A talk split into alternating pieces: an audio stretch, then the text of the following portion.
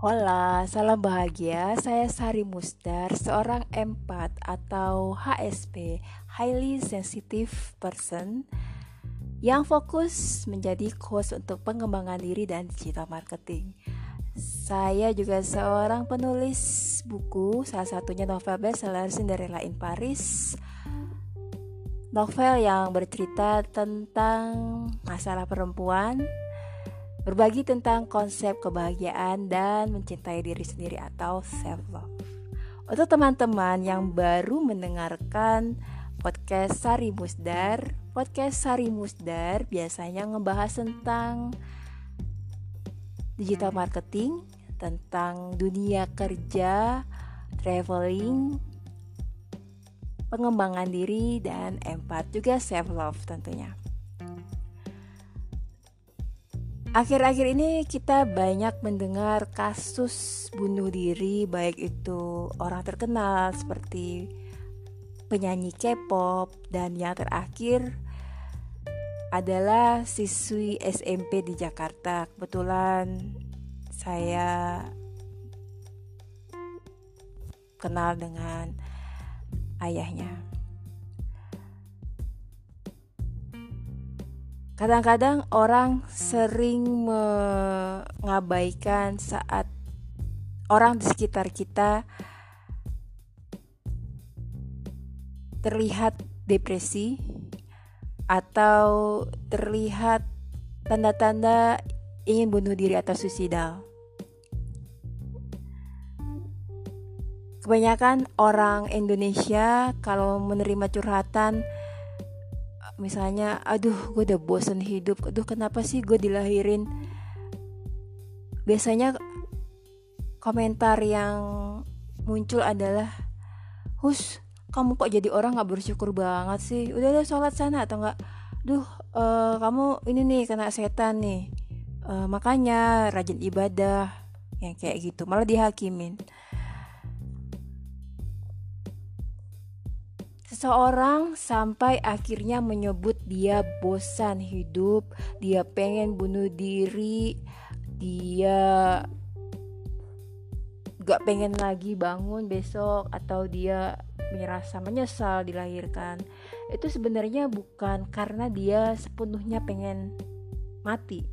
Karena gak ada satu orang pun di dunia ini yang saya yakin ya, saya sudah melihat almarhum ayah saya, almarhum nenek saya dalam proses for proses uh, menjelang detik-detik terakhir mereka meninggal sakaratul maut.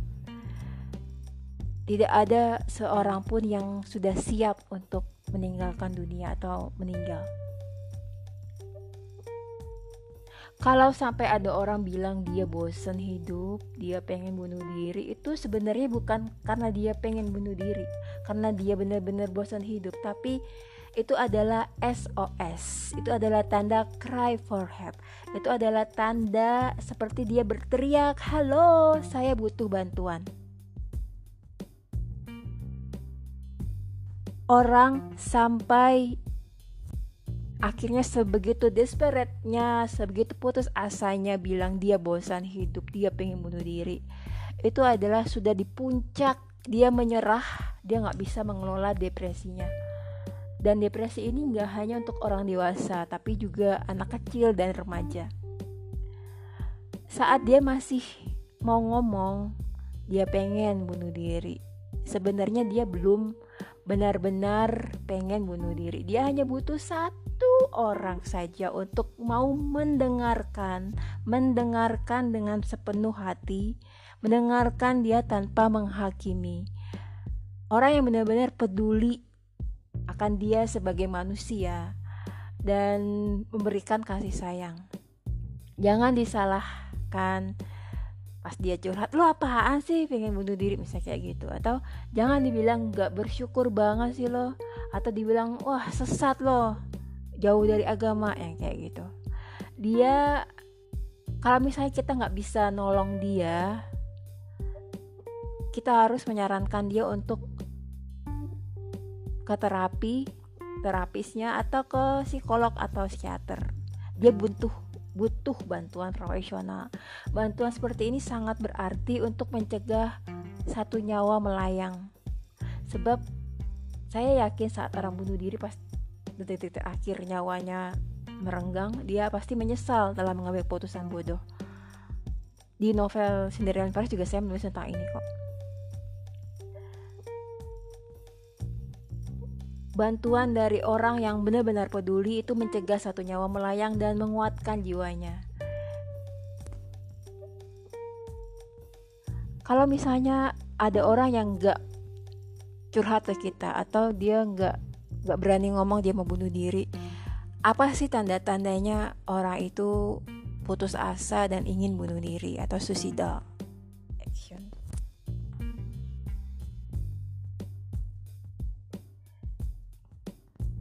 Kalau di kasus yang siswi SEP kemarin kan bisa dilihat dari Instagram Instagramnya ya media sosialnya. Eh, dia sebenarnya sudah I need help, I need help. Udah teriak-teriak gitu sebenarnya kalau orang peduli ya kalau orang paham. Biasanya dia akan menulis misalnya saya akan bunuh diri saya berharap saya sudah mati atau saya berharap saya belum dilahirkan.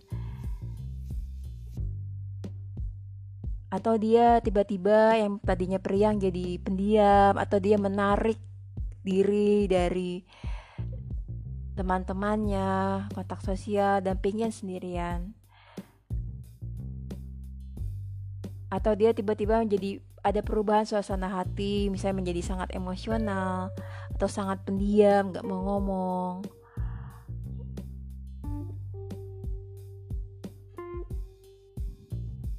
lebih baik kita seba entah sebagai kita sebagai temannya, sebagai kakaknya, sebagai adiknya, sebagai saudaranya, mesti diajak ngomong. Kalau misalnya dia berani curhat, tuh gue pengen bunuh diri nih, tanya mau bunuh diri kenapa, ada masalah apa, terus kalau mau bunuh diri dengan cara apa? Gitu, biar dia tahu bunuh diri itu nggak nggak cool gitu loh, nggak nggak enak gitu mendingan kita cari akar masalahnya dan kita bantu. Tapi kalau kita emang nggak bisa bantu dia ajak ajak dia dan sarankan bahkan mungkin bisa dipaksa untuk ke psikolog. Karena butuh diterapi dan kadang-kadang orang itu malas untuk ngomong karena kebanyakan reaksi orang tuh seperti itu. Dia orang kebanyakan akan menghakimi. Akhirnya malah bikin apa ya bikin down makin yang tadinya down makin tambah down.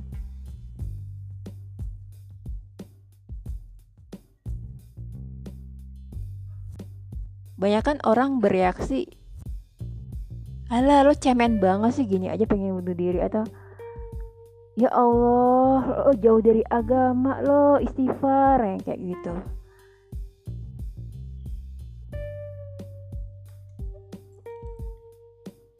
lebih baik ya ditanya aja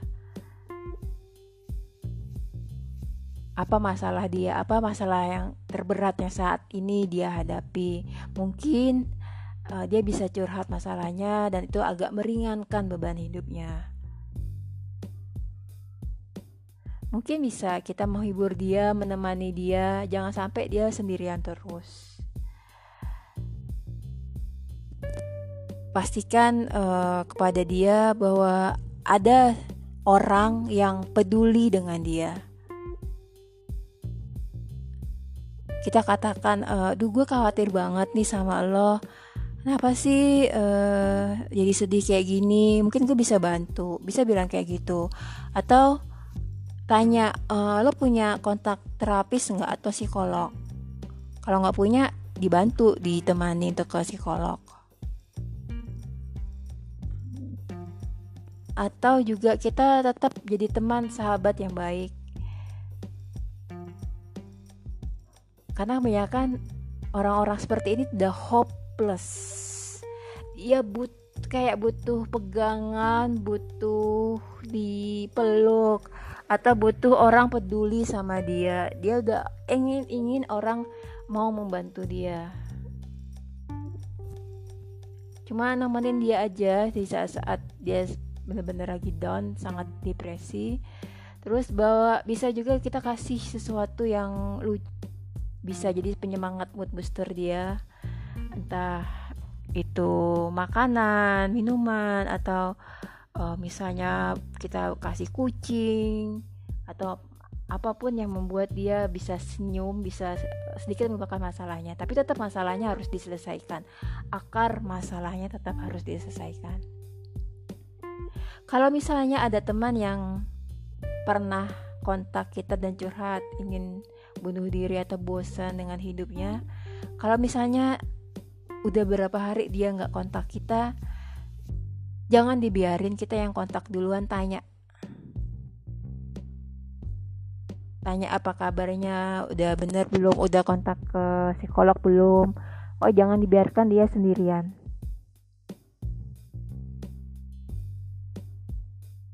dan bilang uh, kalau misalnya dia ngomong lagi aduh gue udah pengen mati ini gue udah pengen bunuh diri bilang duh jangan dong gue masih butuh lo kayak gitu. Atau uh,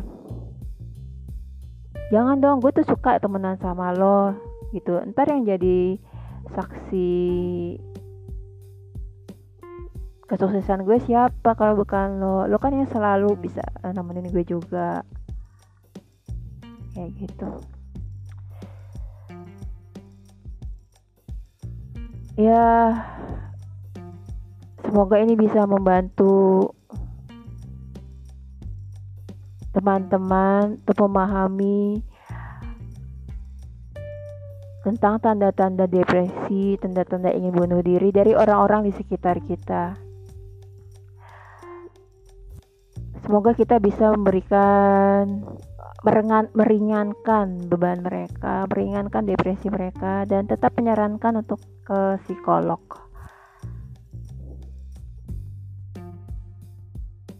Semoga kita semua bisa mengelola stres kita dengan baik sebelum stres itu memuncak, kita sudah tahu cara mengeluarkan, menyalurkan stres kita.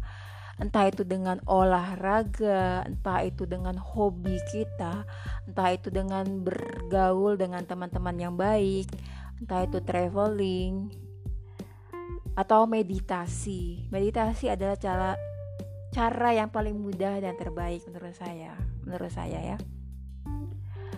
Dan semoga kita juga jujur di saat kita sudah nggak sanggup lagi menanggung masalah hidup kita atau depresi kita dan kita ngomong, ngomong jujur ke teman yang bisa dipercaya. Gue lagi depresi, gue butuh bantuan. Semoga ini bisa menyelamatkan satu nyawa, satu jiwa yang ada di sekitar kita.